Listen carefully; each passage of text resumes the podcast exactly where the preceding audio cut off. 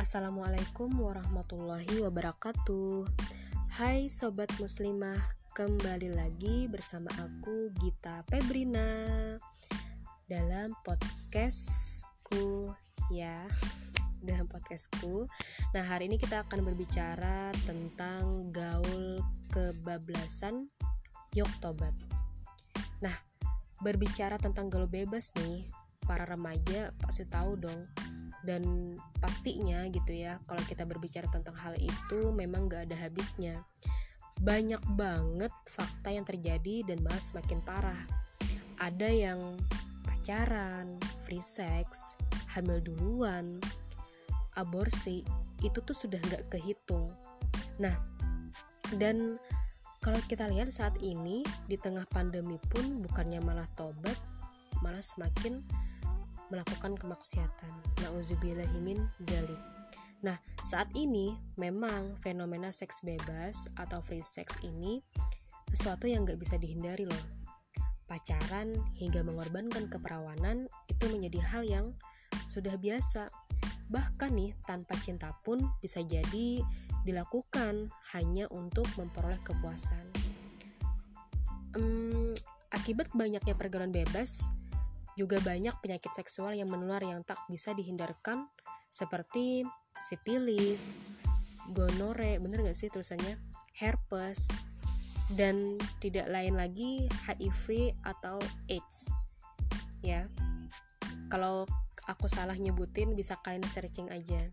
Nah, terus banyaknya fenomena pergaulan bebas itu termasuk seks bebas merupakan prinsip sekularisme yang diadopsi oleh negeri, negara plus 62 ini loh. Tahu nggak sekularisme? Sekularisme itu adalah paham yang memisahkan agama dari kehidupan. Nah, karena agama yang nggak jadi prinsip itu mendasar, uh, maka masyarakat bebas ber berperilaku loh. Wah wah wah, ini sih ngeri banget so. Eh, ini sih ngeri banget loh soft gitu ya. Nah, kebebasan inilah yang disebut liberalisme Nah, yang mana manusia itu bebas bebas apa pun yang mereka lakukan atau mereka inginkan asal gak ngerugiin orang lain. Padahal kita tahu nih, uh, kita tahu sendiri kan ya, dalam melakukan sesuatu itu manusia nggak lepas dari hawa nafsu. Maka dari itu manusia itu perlu ada aturan agar bisa mengendalikan hawa nafsunya. Kita tahu nih bahwa pergaulan bebas itu hanya membawa kerusakan namun, ketika liberalisme itu menjadi pegangan, maka itu bisa berpotensi merusak. Namun, paham liberalisme ini dilindungi oleh demokrasi, Des. Waduh, gimana ya? Lagu kamu nangis dong.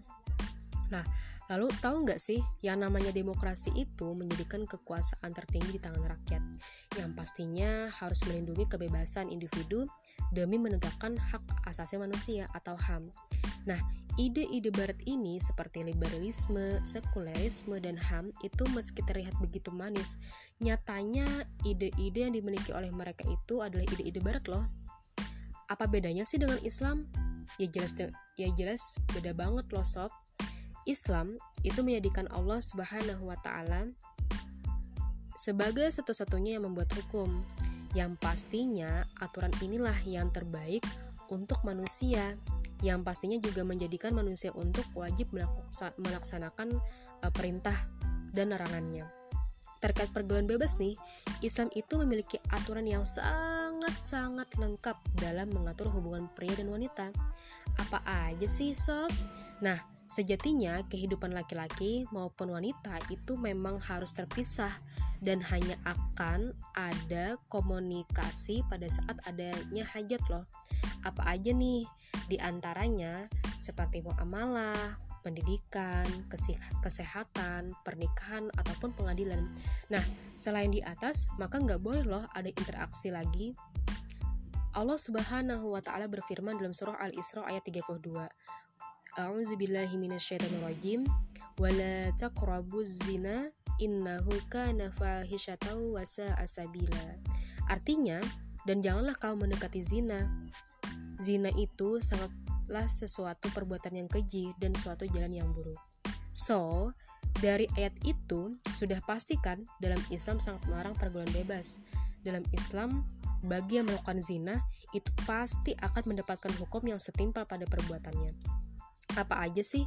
Nah, jika kalau kita melihat bagaimana pelakunya ketika sudah menikah, uh, ketika dia sudah menikah melakukan zina tersebut, nah maka dia secara sukarela tidak dipaksa atau tidak diperkosa, mereka dicambuk serat sebanyak 100 kali, kemudian dirajam. Nah, jika pelakunya belum menikah, maka mereka didera atau dicambuk 100 kali, kemudian diasingkan selama setahun. Masya Allah, begitu indahnya jika seandainya Islam itu menjadi eh, penerapan dalam kehidupan manusia, individu sampai bernegara dong. Nah, ayo siapa nih di sini yang sangat sang, sangat dan sangat bingit merindukan ke Islam uh, rindu dengan Islam ketika diterapkan sebagai aturan.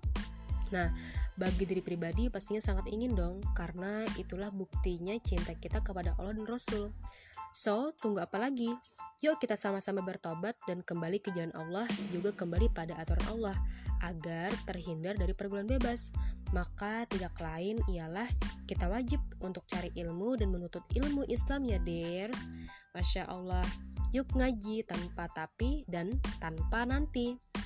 Assalamualaikum warahmatullahi wabarakatuh.